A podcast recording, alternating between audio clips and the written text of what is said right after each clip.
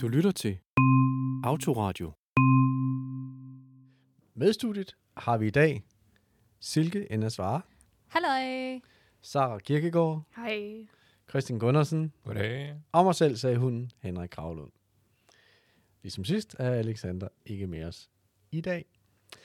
Nå, vi starter med en gammel kending.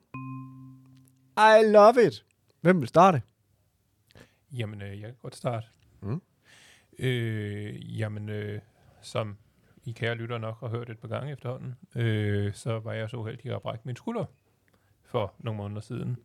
Men øh, jeg var så heldig her for et par dage siden at øh, genoptage mit øh, arbejde hos øh, Coop 365. Altså fuldtid. For havde du ikke været der lidt, eller hvad? Øh, nej, Nå, und, øh, undskyld, det tror nej, jeg. nej, nej, overhovedet ikke, overhovedet ikke. Jeg er først Nå. lige kommet tilbage i den her uge, øh, hvor vi optager, altså. Ja. Øhm, og været der et par dage. Og jeg synes, det var utroligt dejligt at komme tilbage på øh, deltid og øh, blive mødt velkommen tilbage af Mm. butikkens personale, og som synes, det var så dejligt, at jeg kom tilbage igen, og så videre. Og så kan man jo ikke gøre andet end at blive glad for sit arbejde. endnu Nej. mere. Kunne du huske alt? Ah, jeg er lidt rusten, men øh, det, det, altså kommer, for det eksempel kommer tilbage. varerne. Altså, du har, De jeg ved, du, har, du kunne huske alle de varer, for eksempel var køledisken. Er det ikke rigtigt? Jo, jo, jo. jo. Kunne du stadigvæk det? Eller havde du glemt dem i din sygeperiode? Øh, nej, jeg kan huske det mere eller mindre. Du har snedet dig ned hver dag og tjekket, okay, det ligger der, der, der, der, der, der, der. sige. De har ikke ændret noget. Ah, Okay. Nej. Nu, Godt. nu kan lytterne jo ikke se det, men Christian har sin arbejdstrøje på i dag. Mm. ja, præcis. Så jeg repræsenterer. Yes. Ja. Er det en, øh, et nyt design i forhold... Du arbejder jo i øh, en ret stor øh, detailkæde, ikke? Det kan vi jo godt sige. Det kan man Og- godt sige. Ja, ja og øh, er, er det der et nyt design i forbindelse med den her detailkædes, hvad skal man sige? Rebranding? Ja. Ja, det kan, det kan, man, det kan man godt sige. Okay. Øh, ja, jeg, jeg, jeg, jeg, ja, det kan lytterne selvfølgelig ikke se, men jeg prøver lige at tænke over, hvordan Men man kan jo fa- godt kigge med på video. ud dengang, ikke? Ja. Men øh, ja, jo, jo, jo, jeg mene, Der er det sket som, de har jo taget din grønne farve. Har du bemærket det? De har taget min grønne farve, Ja. ja. siger du? Øh, Før var din butik rød, nu er den grøn. Ja. Og du er jo her i dette selskab kendt som Mr. Green. Yes, exactly. Så øh, det går din vej, Christian. I, yes, I, I'm just part of 365. Ja, det er fantastisk. Eller også dem, der er part of you. Who knows? Spændende. Ja, men det er god farve.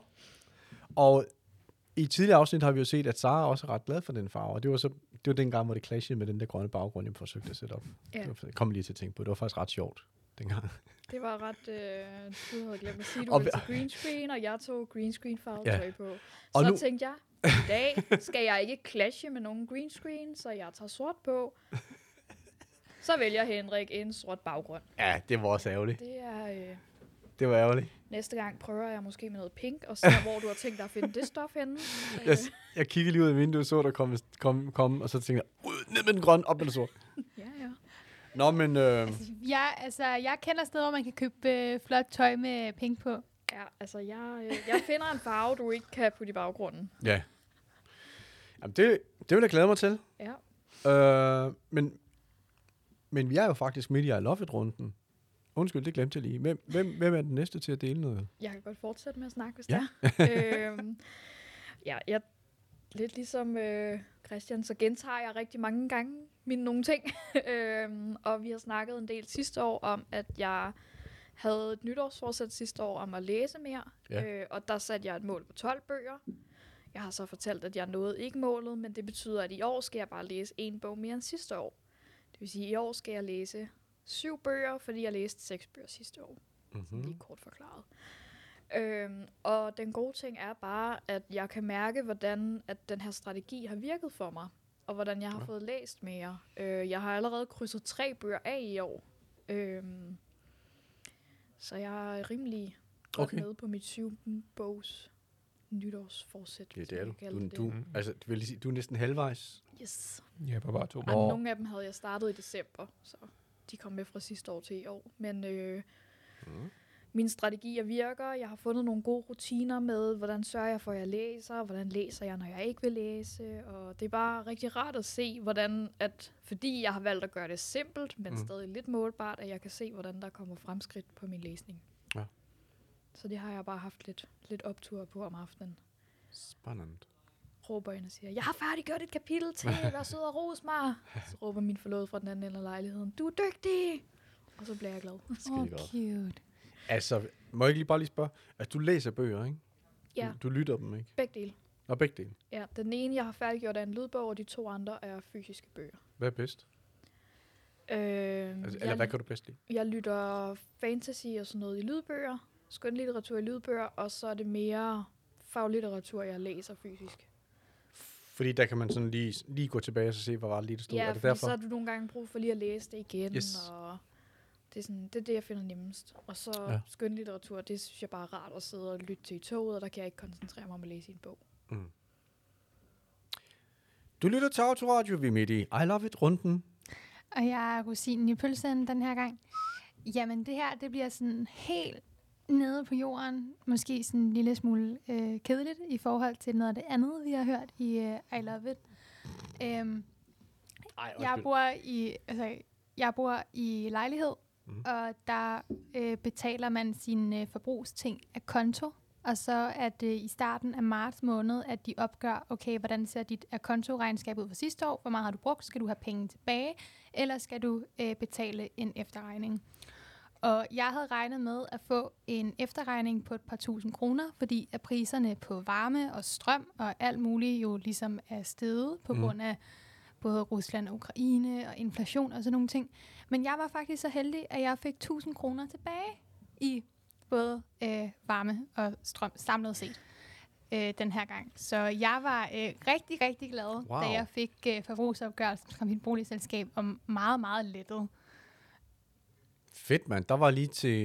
Øh... til bryllupsopsparingen. Ikke? Nå, det var der, den gik ind på. Ja, det var det. Det, Det, var der, lige en Okay. gæst til, der fik lov til at komme med.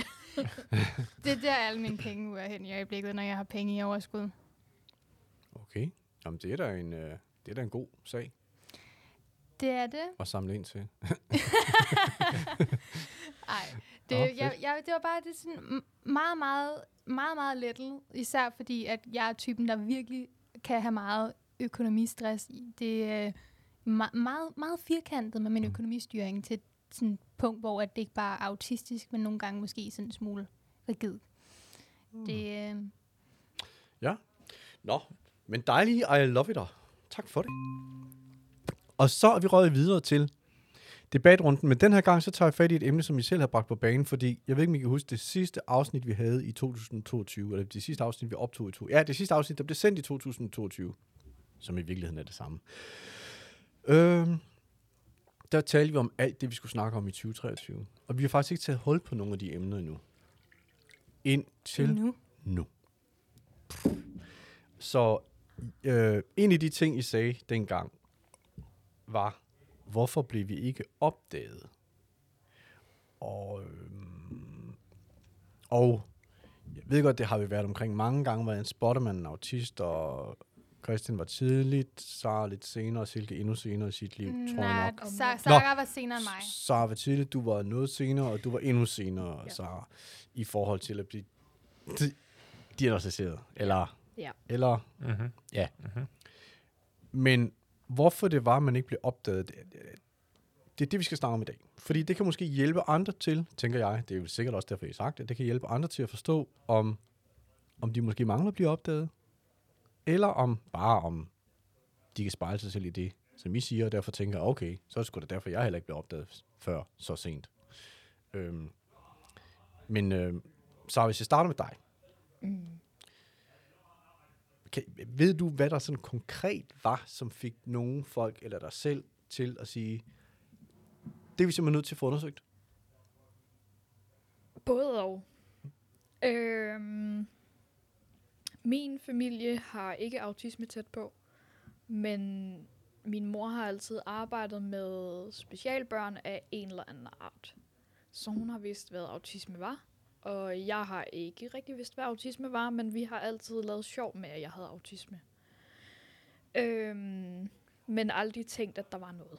Så det har, det har bare været sjov. Det har bare været sjovt. Det har udelukkende været, at vi har joket med, at jeg havde autisme, som man kunne joke med andre ting. Begrundet i hvad egentlig? Fordi der var nogle træk, eller Ja. fordi... Fordi der var nogle, der var nogle træk. Der var mm. sådan noget med, øh, jeg har meget brug for rutiner, og jeg var meget, altså sådan nogle klassiske små ting, hvor Mm. man tænker, det her det er autistisk. Jeg er ikke så god social, og øh, jeg er meget perfektionistisk, og alt, er- altså per, ordet perfektionistisk er blevet misbrugt så mange gange i min øh, opvækst. Nå, men hvorfor misbrugt? Fordi at det er blevet undskyldninger til ting. Nå, Øhm, jeg har måde. fået at vide, altså jeg har selv som barn sagt, jeg har rigtig svært ved at læse, jeg har brug for noget hjælp. Så har jeg fået at vide, det er din perfektionisme. Ah. Og så har jeg sagt, jeg tror virkelig, der er et problem, fordi jeg kan ikke se det, I siger, når I siger, hvordan et ord skal staves. Jamen, du er bare perfektionistisk og sådan noget. Altså, så i stedet for at Hmm. undersøge, om det her barn rent faktisk er ordblind, så har de jo sagt, at du er bare perfektionist, fordi du jo får gode karakterer. Ja, så Øh, du har klaret dig godt med at læse og stave og skrive, eller hvad? Overhovedet ikke. Nå, Øh, måden, måden vi tester, eller måden vi, vi kigger på, om børn kan læse og skrive på, er slet ikke godt nok til at opfatte, om man er ordblind. Øh, du bliver bedt om at lave en læsetest. Den scorer jeg 12 i, fordi at for at gennemføre en læsetest, skal du ikke kunne læse. Du skal kunne finde et ord i en tekst. Og jeg har ikke læst teksten overhovedet. Jeg har bare fundet ordet, fordi jeg kan se, hvordan formerne er. mm. Øhm, så hvis du spurgte mig, hvad stod der i teksten, det ved jeg ikke. Hvis du spurgte mig, hvor er ordet, det er på side 11. Øhm, derfor får jeg god karakter i den. Okay.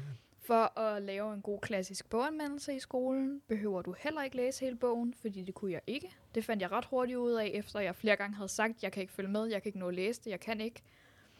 Når lærerne så bare siger, at du er bare perfektionistisk, så begynder man jo lidt at opgive, og så begynder man at snyde, og det er rigtig nemt at snyde en boganmeldelse. Altså de generelle måder, man tester Mm. for læsning og stavning, ikke stavning, stavning har jeg dumpet i rigtig meget. Mm. Men læsning, der kan du rigtig, rigtig, rigtig nemt snyde. Øh, og det begynder man jo at gøre, når lærerne stopper med at lytte på, at man ikke kan læse. Bare lige for at forstå.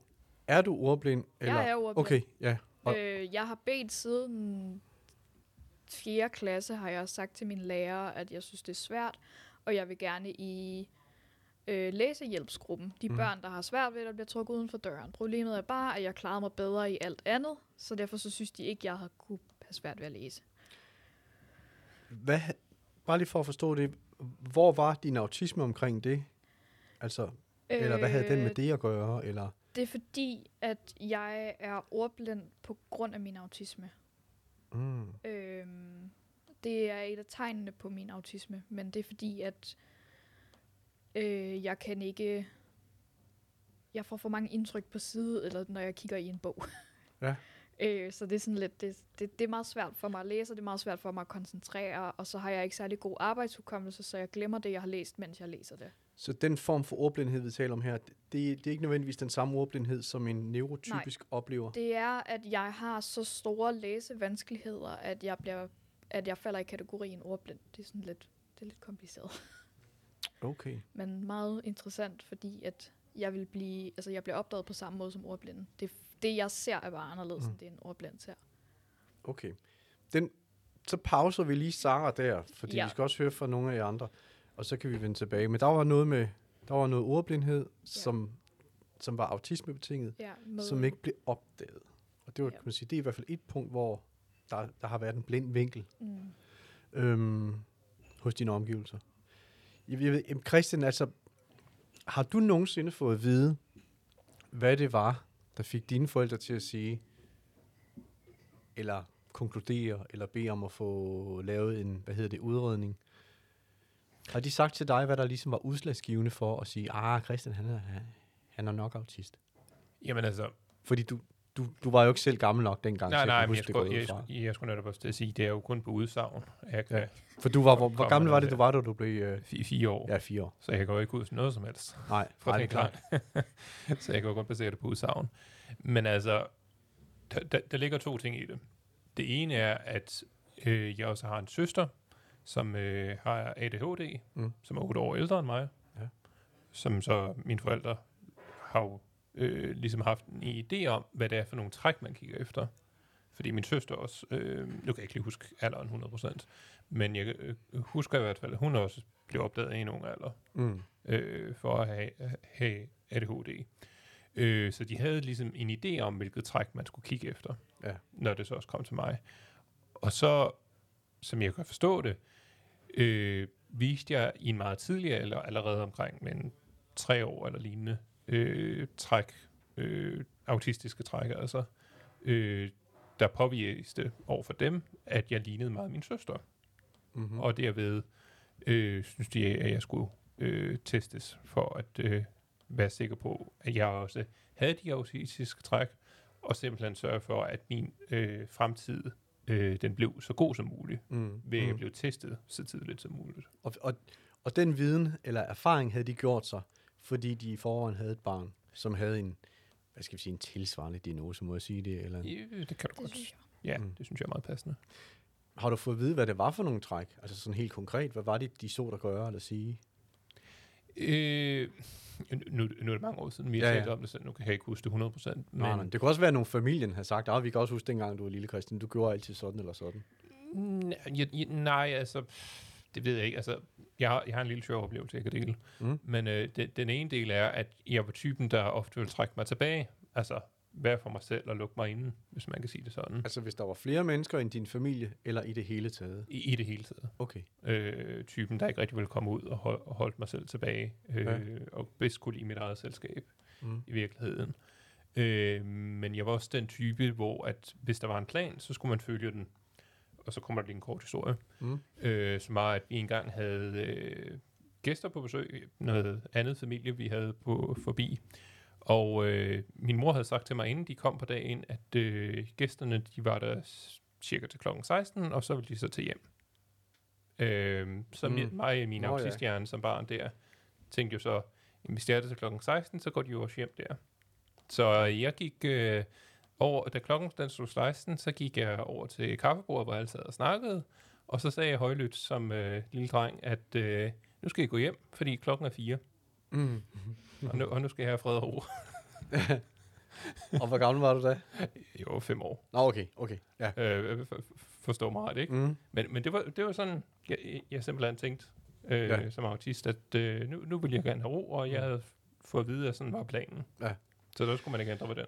Så man kan sige, at dine forældre, de var opmærksomme, fordi de havde allerede et barn, som havde en lignende diagnose, så, så hvad skal man sige, det, det var sådan deres tilgang til at få dig undersøgt. Kan du huske, hvor, hvordan, det, hvordan du blev testet for autisme? Kan du huske noget af det? Øh, nej, overhovedet ikke. Hvordan skete det? Ved du det? Kan, har du fået det fortalt? Det, det har jeg nok på et tidspunkt, men jeg kan ikke huske Nej. Nej. detaljerne i hovedet, må jeg indrømme. Nej. Det, øh, det, det- det, det er for mange år siden, vi har talt om det. Men det var ikke sådan noget med at ligge på et stålbord, og så var der nogen, der sådan stak kanyler ind i det og sådan noget. vel? Ej, den, del- den del tror jeg, jeg det- det, det det var heller ikke- hvis der var. Det var heller ikke en Vi- scanning, en full body scanning, vel? Altså, det har Nej. været i de tidlige nuller. Det har ikke været 1950'erne, Henrik. Nej, nej, jeg skal, jeg skal bare være sikker, fordi det kan godt være, at der er nogen, der tænker, hvordan pokker laver man sådan en udredning? Mm, kan jeg jeg. forstå. Det ved jeg godt. Øhm, Det ved jeg også. jamen, øh, Jeg På et barn. Det er nemlig forskelligt fra voksne. aha. Prøv lige at høre her.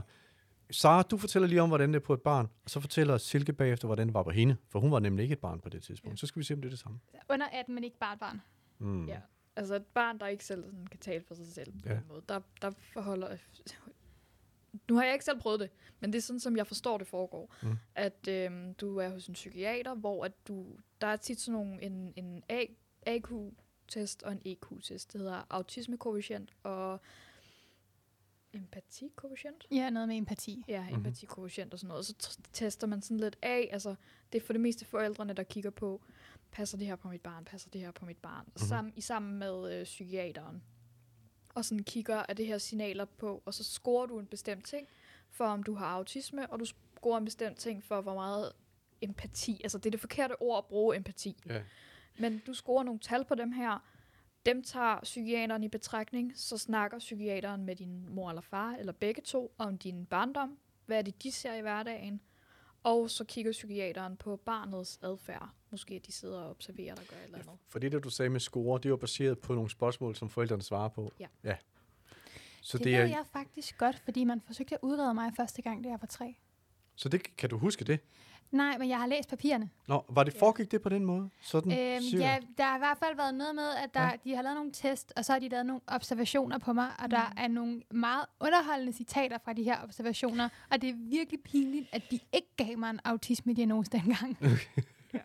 Men så, men og du blev, vi har talt om det flere gange, men du var Jeg var 16. 16, da du blev diagnostiseret. Og hvordan foregik det så? Jamen, altså, det er jo... Der er man Og bagefter skal vi lige høre om, hvad det, er hvordan det kunne være blevet overset hele- så meget til. Man er nødt til at have hele min historie i konteksten for at forstå, hvordan, hvorfor tredje udredning gik, som den gik. Jeg har været igennem fire udredninger, inden jeg fyldte 21. Første gang, da jeg var 3, Mm. anden gang, da jeg var 12, tredje gang, da jeg var 16, og fire gang, kort inden jeg blev 21. Og Men den, hvor du fik autisme, diagnosen, der, kunne, der var der langt om længe eller ikke hvor en du fik autisme, ja, ja, ja, autisme-diagnosen selvfølgelig. Ja. der, der var langt om længe en kompetent psykolog, der fik lov at kigge i de gamle papirer. Og fordi der var så mange gamle papirer og observationer, så tog det dem kun to samtaler at give mig diagnosen. Det var dengang, du var 16? Det, Okay. Fordi det var så tydeligt beskrevet, Så- at jeg var autist. Baseret på tidligere Ja, undersøgelser? Lige præcis. Aha. Det, øhm, så Jamen, ja, så er vi selvfølgelig nødt til at spole tilbage. Det kan jeg godt se. lige præcis. Fordi man kan sige, at grunden til, at jeg røg ind i psykiatrien allerede, da jeg var en to-tre år gammel, Mm. det var, øh, da jeg gik i vuggestue, der var jeg øh, meget øh, tilknytningsbesværlig. Der var én voksen, der fungerede, og hvis ikke den voksen var der, så skreg jeg og var super, super umulig. Jeg var motorisk udfordret, kan jeg læse mig til. Og øh, så var jeg meget øh, sanseforstyrret, så mine forældre var nødt til at bruge sådan nogle sansebørster på mig, Ja. for at jeg kunne rumme og være afsted.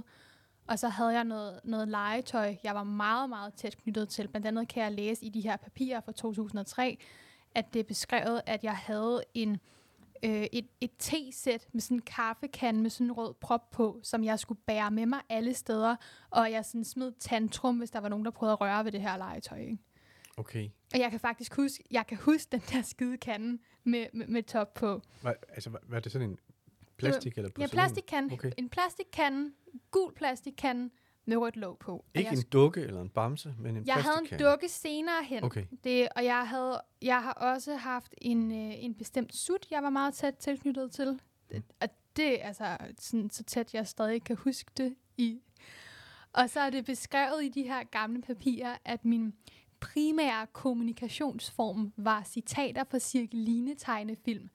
Øh, øh, og at øh, Får det fra mimik- Frederik eller fra Cirkeline? i- og øh, at øh, mimikken også var med. Ej, hvor fedt, jeg elsker cirkeline. Nå. Ja, det, øhm, i perioder, der var også en periode, hvor at det var øh, Tarzan, jeg var helt sådan obsessed med. Så min mor sagde, der var en lang periode, hvor når hun satte mig ud i badet, så var det som at starte en båndoptager, hvor så startede hele Tarzan 2 med alle replikker og karakterer og alting, bare sådan forfra, forfra, forfra. Og alle de her ting er beskrevet i papirer af psykiater. Men jeg fik ikke autisme-diagnosen, fordi jeg var en pige. Så de overvejede slet ikke autisme. Det er ikke nævnt en eneste gang. Fik du ingen diagnose overhovedet? Nej. Og det var som treårig? Ja. Grunden til, at man afbrød udredningen, var fordi, at jeg fik én ven, da jeg startede i børnehaven. Og så lige pludselig, så var jeg jo social, og det her sociale, der jo tydeligvis ikke virkede i vuggestuen, det virkede bedre i børnehaven, og så stoppede man bare.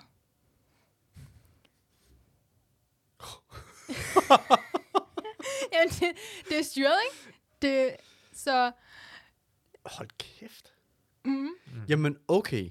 Der går nogle år. ja, og Du jeg synger stadig, Tarzan og Øh, citerer Cirkeline Og jeg, i et og, jeg, og jeg lærer mig selv at stave i børnehaven, og skræmmer, jeg skræmte de andre forældre, når det var, at der var forældresamtaler, fordi de kiggede på mig, der bare sådan sad og skrev hele familiens navne, og kunne huske mine forældres telefonnummer i hovedet, og var sådan, skal mine børn også kunne det der? Og så sagde pædagogerne, nej, det er bare Silke, der er sær. Og jeg lærte mig selv, at, øh, jeg lærte mig selv at læse og skrive og synge alfabetet baglæns, inden jeg startede i 0. klasse. ja, ja. Okay. Det, øhm, og, øh, Var der ikke en cirkusdirektør på et tidspunkt, der ringede til dine forældre og spurgte, om han kunne låne dig? Nej, Som bare i det, weekenderne? Nej, desværre ikke. Se, det særlige barn. det, så, så heldig var jeg ikke. Men jeg var med i, Tidlig uh, jeg var med i uh, Smart Parat Svar, som var sådan en uh, paratvidenskonkurrence for 6. klasses elever i 2012. Ah.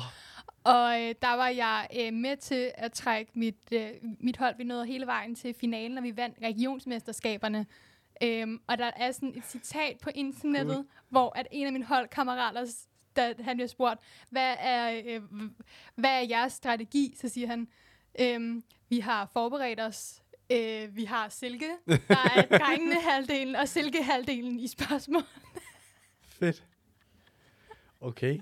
Nå, men altså, Så Og i 2012, der er vi hvor sådan, der var du så var gammel. der er 12. Jeg er 00 0'er, så hvis 2012, Nå, der det er er 12. da dejligt nemt at finde ud af. Vi, der er for det. virkelig nemt. Mm. Mm. Det, øhm, men øh, der kommer jeg så op hos en ret øh, fordomsfuld psykiater, der mener, at jeg er for klog til at være autist, fordi jeg kan klare en test med nogle klodser lidt for godt, og jeg sidder for stille til at kunne have ADHD. Mm. Tag den, autister. Ja. Det var virkelig dumt, ikke? Ja, ja. Så øhm, og, og det er bare, altså, det er jo skide ærgerligt, fordi at jeg nå, mit mentale helbred gik jo helt i stykker, inden Men- jeg så fik diagnosen. Ja, og hvad skulle du, da du var 12? Hvordan blev du testet da? Øhm, jeg kan huske en test med nogle klodser, jeg skulle stable, og så har jeg været igennem sådan nogle øh, fancy IQ-test, hvor jeg skulle kigge på nogle mønstre, og så var der sådan en del, der manglede, Ja. og så skulle jeg finde ud af, hvad var det for en del, Yes. der passede ind i det her mønster. Ja. Og så spurgte hun meget ind til, øh, hvordan min familie var. Øh, hvordan var relation til min mor og til min far, og hvordan havde jeg det i skolen. Og det var generelt et problem altid, at jeg var meget langt fremme fagligt, så jeg kedede mig i timerne, men jeg var så dårlig socialt, at man ikke turde flytte klasse. Men Mm. det har været en ongoing debat helt indtil 7. klasse, at man skulle rykke mig et klassetrin op. Men man turde ikke, fordi at jeg slet ikke havde knækket koden til det sociale overhovedet. Mm. Og det var først i, i 7. klasse, da jeg begyndte at engagere mig i foreningsliv af forskellige slags, at jeg begyndte at sådan rigtig have nogle venner og knække koden til, hvordan man kunne have venner. Mm. Og så øh, skal jeg bare lige forstå, fordi du har jo også ADHD. Og den fik jeg Hvornår? i 21, Den fik du i 21. fordi, Er at, der så, fordi Nå. jeg selv henvendte mig til en psykiater, så jeg er ret sikker på, at jeg har ADHD, og du sidder Okay. og mig. Men men kan du, hvis du så kigger tilbage, har den haft nogen indvirkning på, eller hvad skal man sige, at, er det snarere den, eller autismen, der skulle have været opdaget, da du var 3 og da du var 12?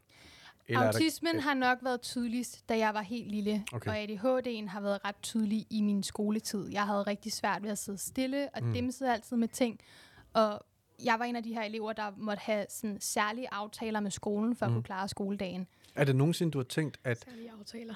Ja, ja, lige præcis. Du ved, hvem jeg er. den, den tager vi lige om lidt. Øh, Men, men jeg skal bare lige vide, har du nogensinde tænkt, at din ADHD kan have været med til at skjule din autisme? Muligvis ja, fordi at jeg har jo været øhm, mere øh, ufiltreret og snakkende og outgoing mm. på grund Ja. af min ADHD, Ja. hvor at hvis man kigger på øh, mine brødre for eksempel, så er de meget mere introverte og Mhm. mm-hmm. Klassisk autister, fordi de ikke har krudt i røven på samme måde, som Ja. jeg har haft. Ikke? Ja. Så jeg har haft et, sådan et, et, et drive, der har gjort, at jeg har ikke har fremstået lige så meget som en klassisk autist i, mm-hmm, sat i citationstegn. Mhm, Yes, yes, yes, yes. Og så afbrød jeg lige før, undskyld. Fordi at, øh, det er meget typisk, at øh, når du er en dygtig pige, så må du lave så mange særregler med skolerne. Ja, Helt vildt er det det. Jeg Nå, har det var særregler, I talte om. Ja. Særregler. Okay, ja. Altså, øh, øh, jeg har haft så mange særregler. Og når Altså man i, begynder i at give- klassen, eller, Ja, eller altså med i lærerne? skolen Okay. generelt. Når man begynder at få særregler, så burde skolen så tænke, der er et eller andet galt her. Hvad kunne være en særregel, I har haft? Øhm, jeg har haft øh, voldsom angst fra første klasse af. Øh, jeg havde en aftale om, at jeg bare måtte forlade undervisning uden problemer. De har aldrig fortalt mine forældre, at jeg havde en aftale om, at jeg måtte under- forlade undervisning. De har aldrig fortalt mine forældre, at jeg har fået de her anfald. Nå, jeg havde Hva- også den aftale, men på min forældres opfordring. Okay. Mine forældre vidste ikke noget om det, for skolen fortalte dem det ikke. Hvad sagde de andre børn i klassen til det? Kend, de kendte vel til den? Altså, det må de jo have gjort, fordi de må have undret sig over. For jeg, jeg er blevet mobbet, så ja, de kendte godt til det. Øh, Nå, de, det, det, det blev du drillet med, simpelthen. jeg er blevet drillet med mange ting. Så, men det, det var noget af det, jeg bliver drillet med, det der med, at nu skal Sara gå uden for døren igen, og nu går Sara uden for døren igen, og nu kan Sara ikke tåle det, og nu får Sara hjertebanken, og ja. Øh, så det er, sådan noget, det er noget, man bliver drillet med. Så for det første ved de ikke, at deres barn bliver drillet med, at hun går uden for døren. De ved heller ikke, at hun går uden for døren. De ved ikke, at hun får de her anfald. De ved Mm. ikke, at deres barn græder voldsomt uden grund på skolen. Mm. Fordi og der ikke er dialog mellem skolen og mine forældre. Og det her, det var selvfølgelig før du bliver diagnostiseret. Ja, jeg er diagnostiseret som voksen. Ja. Så Hvor gammel jeg var det nu, du var, da du blev diagnostiseret? Omkring 20. Måske. Okay. Nej, jo. Hvor gammel er jeg? Jeg er 25, så er det nok omkring 20. Mm. 22. 20, 22. I don't know, sis. Jeg er voksen. It's your life. Jeg var voksen. Okay. Jeg var voksen. Altså alt. ja, ja, ja. Jamen, det er 20 eller 21 eller 22. det er Starten strengt taget. I den starten her sammenhæng er det 20'erne. faktisk ligegyldigt. Starten af 20'erne, så Mm. jeg er nogenlunde færdig med alt folkeskole og sådan noget. alt folkeskole og gymnasie. Og, men på gymnasiet havde jeg, havde jeg særregler, fordi de fleste gymnasier har fraværsregler. Mm. De her regler kendte mine forældre godt, fordi der kendte de til min angst. Ja. Øhm, der havde jeg en regel om, at den der regel med, at du må maks have 15% fravær, så får du advarsel og sådan noget, det var lige meget. Jeg måtte have så meget fravær, jeg ville. Okay. Jeg havde 25% det ene år. Og det, jeg hørte dig sige også, Silke for den sags skyld, det er, at de der mm. Særregler, som jo, man må formode, har været givet Ja, Mm. for at vise hensyn til jer, mm. de viser ikke hensyn. det har ikke været et hensyn. Det har Nej. faktisk skabt... De skulle have lavet mig gå ned til læsepædagogen, de skulle have snakket med mine forældre om de her anfald, Mm. de skulle have fundet løsninger. På gymnasiet fik jeg psykologtimer, det er derfor, Mm. jeg fik det der ekstra fravær. Så der Ja. var der nogen, der begyndte at gøre noget, men kun fordi jeg var gammel nok til selv at informere mine forældre, selv at informere skolen. Mm. Mm. Øhm, Christian, havde du særregler, da du gik i, i skole eller i andre sammenhænge? Nej, ikke som sådan. Altså, nu var jeg jo på specialskole. Ja. Allerede fra første klasse af. det er Øh, en stor særregel. Ja, lige præcis. Ja. Det er jo fordelen, kan man sige. Det, det, det er jo så fordelen, ikke? Fordi der havde jeg særreglerne Ja, ja, øh, ja. fra start. Øh, og det, det, det synes jeg jo... Altså, nu har jeg aldrig prøvet folkeskolen, så jeg kan jo ikke udtale mig om, hvordan det ville have været for mig, Nej, nej. når jeg ikke har prøvet det andet. Men jeg synes jo, det var en enorm hjælp at være i specialskole, fordi jeg fik tilpasset undervisning efter mine behov, Ja. øh, så at sige, ikke? Det- Øh, Jeg skal bare lige høre, det, det du hører Sara og Silke sige omkring deres diagnostisering, eller mangel på samme, at der er gået så mange år, inden nogen har sagt, at nu må vi fandme komme til bunds i det her, eller hvad de nu har sagt, eller at der er nogen, der har sagt, er der ikke noget her? Med, med, altså set med din baggrund, eller med din opvækst, er det noget, hvor du tænker, det fatter jeg simpelthen ikke, hvordan, hvordan det kan lade sig gøre, eller tænker du, det kommer egentlig ikke bag på mig? pff, øh, jeg, jeg har lyst til at sige ja og nej. Altså, jeg synes jo selvfølgelig, det er synd for både Sara og Silke, at de, øh, de ikke har fået øh, lov til Ja, ja, men at tænker der, du, at, at der er nogen, der har taget fat og set, altså en lærer for eksempel, og set, der, øh, der er der nogen, der skal tage hensyn til dem, øh, og ikke bare lave særregler. Men Men det var der jo ikke økonomi til. Men mit spørgsmål er egentlig også sådan, øh, tænker du, ja, det kan nok godt ske, at man overser det, eller tænker du, jeg kan ikke forstå, hvordan man kan overse det? Altså nu tænker jeg ikke specifikt Sara og Silje, men, men Nej, i forhold til, at, ja. at et barn har autisme igennem så mange år, at man kan undgå at bemærke, at der er noget her, vi skal kigge på. Altså med din viden om din egen autisme, Mm.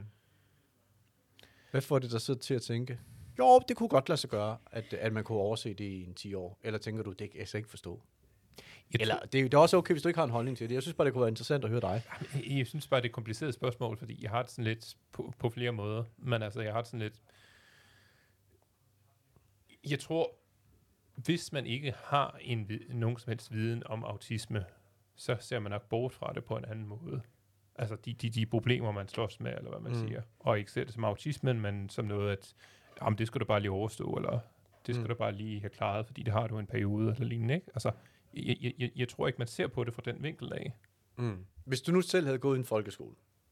Tænk et eksempel. Men hvis du havde gået i folkeskolen på samme måde som Silke og Sara, kunne du så forestille dig, at, at, at du var blevet overset på, på, på samme måde som autist? Det kunne jeg sagtens forestille mig. Okay. Helt bestemt. Hvis du er stille og intelligent, bliver du typisk overset, fordi at der skal Mm. være plads til dem, der larmer og ikke ja. kan følge med. Ja, det, på, på mange måder så minder din autismeprofil faktisk en smule om min ene bror. Og han er den af der fik diagnosen senest. Mm. Okay. Altså, det her var jo kun lige at krat i det første led i forhold til det der med, hvorfor blev vi ikke opdaget, eller hvad skal man sige, for der er meget mere at sige om det. Men jeg synes, vi skal lukke den af her, fordi vi har egentlig talt en god halv time, så der er egentlig ikke nogen grund til at tage fat på det næste kapitel. Det gør vi i et senere kapitel. Er det okay mere? Det er fint. No Fedt. problem. Jamen, så vil jeg bare sige, hvis du, kære lytter, har noget, du synes, vi skal tale om, så skriv til hej autoradio.nu, og det var hej autoradio.nu. Autoradio er slut for denne gang, og jeg vil gerne have lov til at sige tak til øh, Silke Indersvare, Selv tak. Sara Kirkegaard, Tak. Christian Gundersen. Tak for nu. Og vi sender en venlig tanke til Alexander Milne, som hmm, muligvis er med næste gang. Øh, eller det håber jeg da, han er. Det skal ikke lyde, som om han pirkede den her gang, men han kunne bare ikke komme. Det kommer an på, hvornår du lægger op til i dagen. Det kan være, at jeg slet har med til frivillig, frivillig weekend næste gang. Nå, nu får vi se. Jamen, øh, det må jeg hellere prøve at omgå. Men i hvert fald, kære lytter, tak fordi du var med os endnu en gang. Vi glæder os til at møde dig igen. Tak for nu. Du har lyttet til Autoradio